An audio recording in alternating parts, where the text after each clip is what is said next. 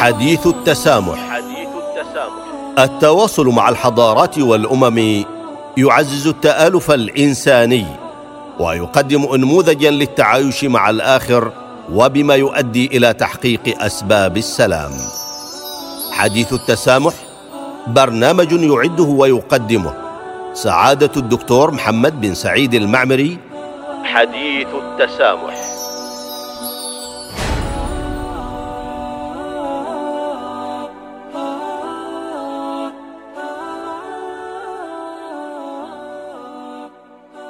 بسم الله الرحمن الرحيم الحمد لله رب العالمين والصلاه والسلام على رسول الله الامين وعلى اله وصحبه اجمعين اما بعد ايها المستمعون والمستمعات الكرام جميعا السلام عليكم ورحمه الله تعالى وبركاته نتناول هذه الحلقة من برنامجكم حديث التسامح اثر مواقع التواصل الاجتماعي على قيم التسامح وقبول الآخر في المجتمعات سلبا وايجابا فاهلا وسهلا بكم جميعا.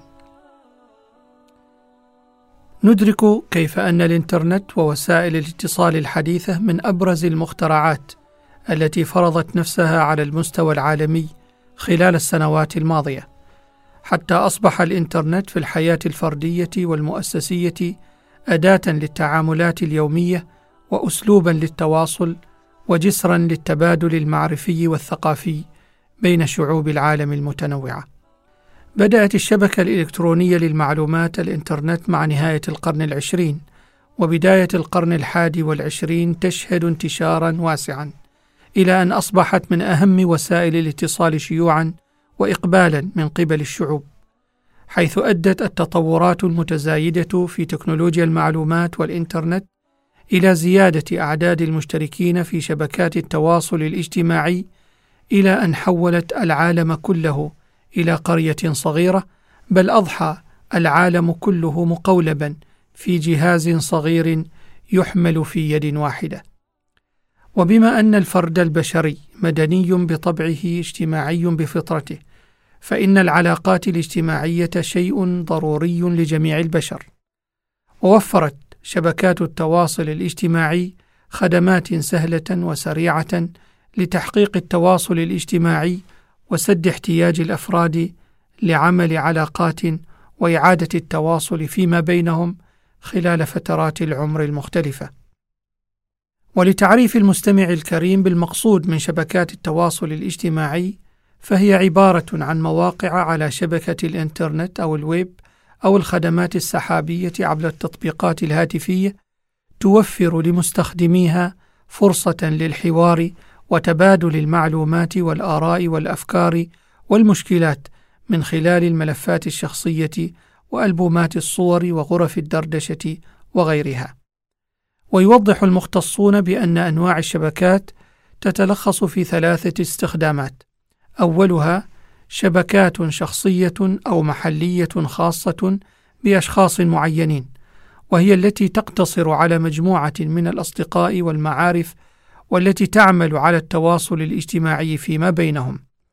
وثانيها شبكات خاصة بفئات موضوعية معينة وهي شبكات نشأت لتجميع بعض المهتمين بموضوعات بعينها كالمهتمين بالطب أو الهندسة أو شبكات شاركت في التعليم عن بعد لبعض المدارس وشبكات ثقافية مختلفة. وثالثها شبكات مهنية وقد ظهرت وانتشرت مثل هذه الشبكات في الآونة الأخيرة لتواجه البطالة واحتياج دول العالم لتنشيط العمل واستخدام هذه التقنية المتطورة لإيجاد بيئة عمل وبيئة تدريبية مفيدة. ومن ناحية أخرى ثمة تقسيم آخر بحسب أنواع مواقع شبكات التواصل الاجتماعي أورده الدكتور إبراهيم العبيد حيث يوجد العديد من أنواع مواقع شبكات التواصل الاجتماعي ومنها ما يختص بالاتصالات وإيجاد المعلومات عن مختلف ميادين المعرفة والعلاقات الإنسانية. ومن الأمثلة على هذا النوع من التواصل الاجتماعي المدونات وتوجد العديد من أنواع المدونات بعضها يختص بتناقل معلومات عن الأخبار بأنواعها وأمور أخرى يختص بأشياء شخصية ويوميات يعيشها الفرد وثمة مواقع الترابط الشبكي الاجتماعي ولعل من أشهرها موقع الفيسبوك واللينكدين وهي مواقع تمكن المستخدمين من التواصل المباشر بين بعضهم البعض ومشاركة الاهتمامات والفعاليات كما يمكن استخدامها للبحث عن أصدقاء الدراسة والمهنة. وثالث الأنواع وهي مواقع الفعاليات، وهي نوعية من المواقع لتنظيم الفعاليات والتحكم بعدد الأشخاص المدعوين، كما تمكن هذه المواقع من استخدام خدمات تحديد المواقع الجغرافية لتحديد المواقع ومما يميز هذه المواقع الإلكترونية إمكانية التحديث التلقائي فيمكن للداعي تغيير الموقع والزمان وبالتالي سيعرف المدعوون جميعا بهذا التغيير مباشرة دون الحاجة لإبلاغهم كل على حدة. حديث التسامح. حديث التسامح. التواصل مع الحضارات والأمم يعزز التآلف الإنساني ويقدم انموذجا للتعايش مع الآخر وبما يؤدي إلى تحقيق أسباب السلام. حديث التسامح برنامج يعده ويقدمه. سعادة الدكتور محمد بن سعيد المعمري. حديث التسامح.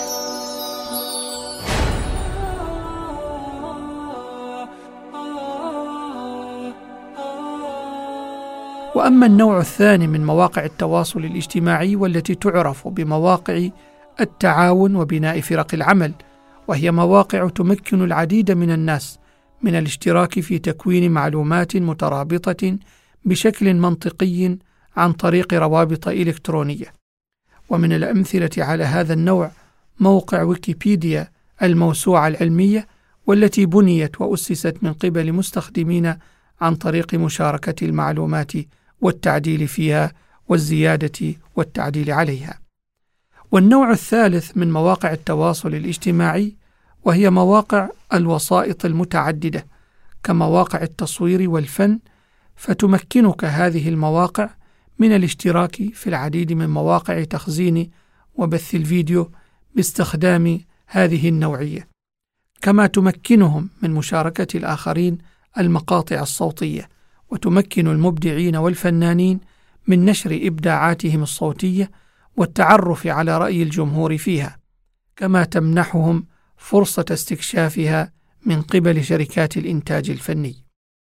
والنوع الرابع هي مواقع الرأي والعروض التجارية كعروض السلع سواء السلع اليومية أو التحف النادرة وغيرها.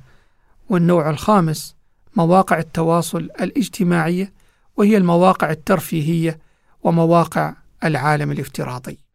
وبطبيعة الحال أيها المستمعون والمستمعات لكل تقنية وجهان. وجه إيجابي ووجه سلبي. وسنتناول الجانبين معا من واقع الدراسات العلمية التي أعدت من قبل متخصصين في هذا المجال ونشير هنا إلى دراسة مهمة قدمها الدكتور إبراهيم العبيد حول التأثيرات الإيجابية والسلبية لمواقع التواصل الاجتماعي.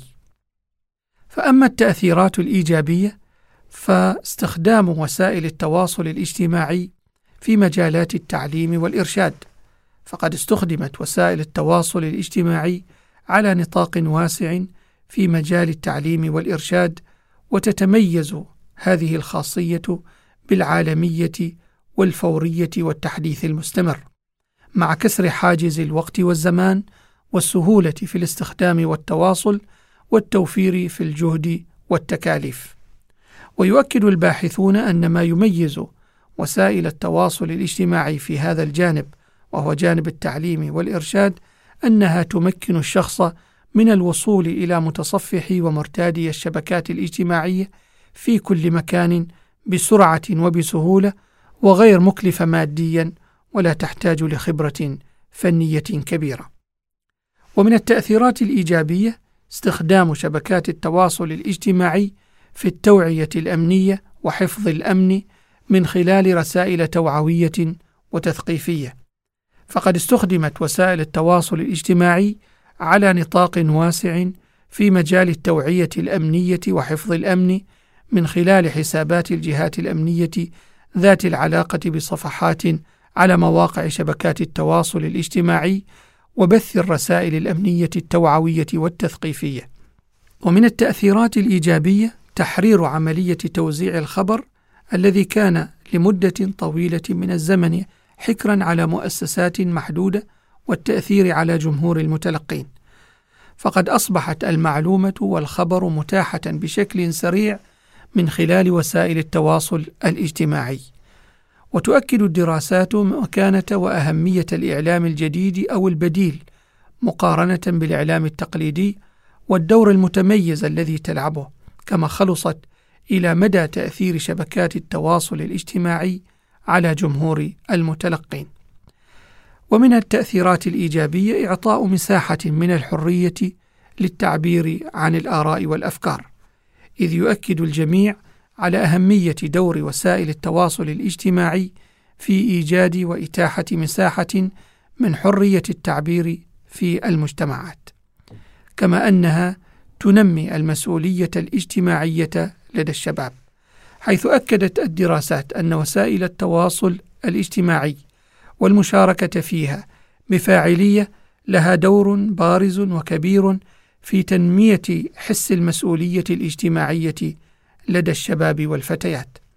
فتفاعل الشباب والفتيات مع قضايا المجتمع ولد لديهم شعورا كبيرا بتحمل المسؤولية الوطنية والأخلاقية للقضايا التي تم تبنيها وقيامهم بالواجب والدفاع عنها كما أظهرت روحا من المنافسة الإيجابية بين الشباب مما أدى إلى تنمية شخصياتهم وإرشادهم للاستخدام الأمثل لوسائل التواصل الاجتماعي.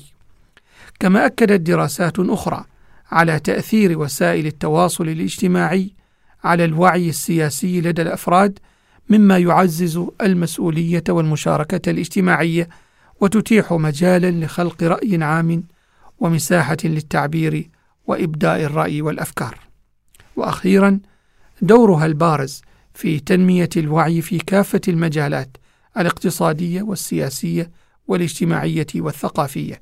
فكما هو واضح فقد تطورت وسائل التواصل الاجتماعي تطورا سريعا وأصبحت جزءا من حياة البشر اليومية وتحول الاتصال اليوم من مجرد نقل معلومات وأفكار إلى إسهام فعلي في مجرى الحياة في أبعادها السياسية والثقافية والاقتصادية والاجتماعية. هذه بعض الجوانب الإيجابية لوسائل التواصل الاجتماعي ومنافعها وأثرها على الأفراد وعلى الحياة العامة للناس. وسنتناول الجوانب الأخرى لهذه التقنيات والوسائل في الحلقة المقبلة بإذن الله. فحتى ذلك الحين نستودعكم الله. والسلام عليكم ورحمة الله تعالى وبركاته.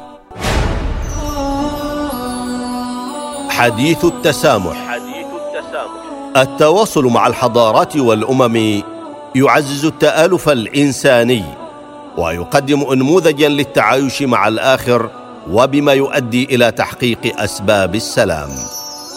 حديث التسامح برنامج يعده ويقدمه. سعادة الدكتور محمد بن سعيد المعمري. حديث التسامح.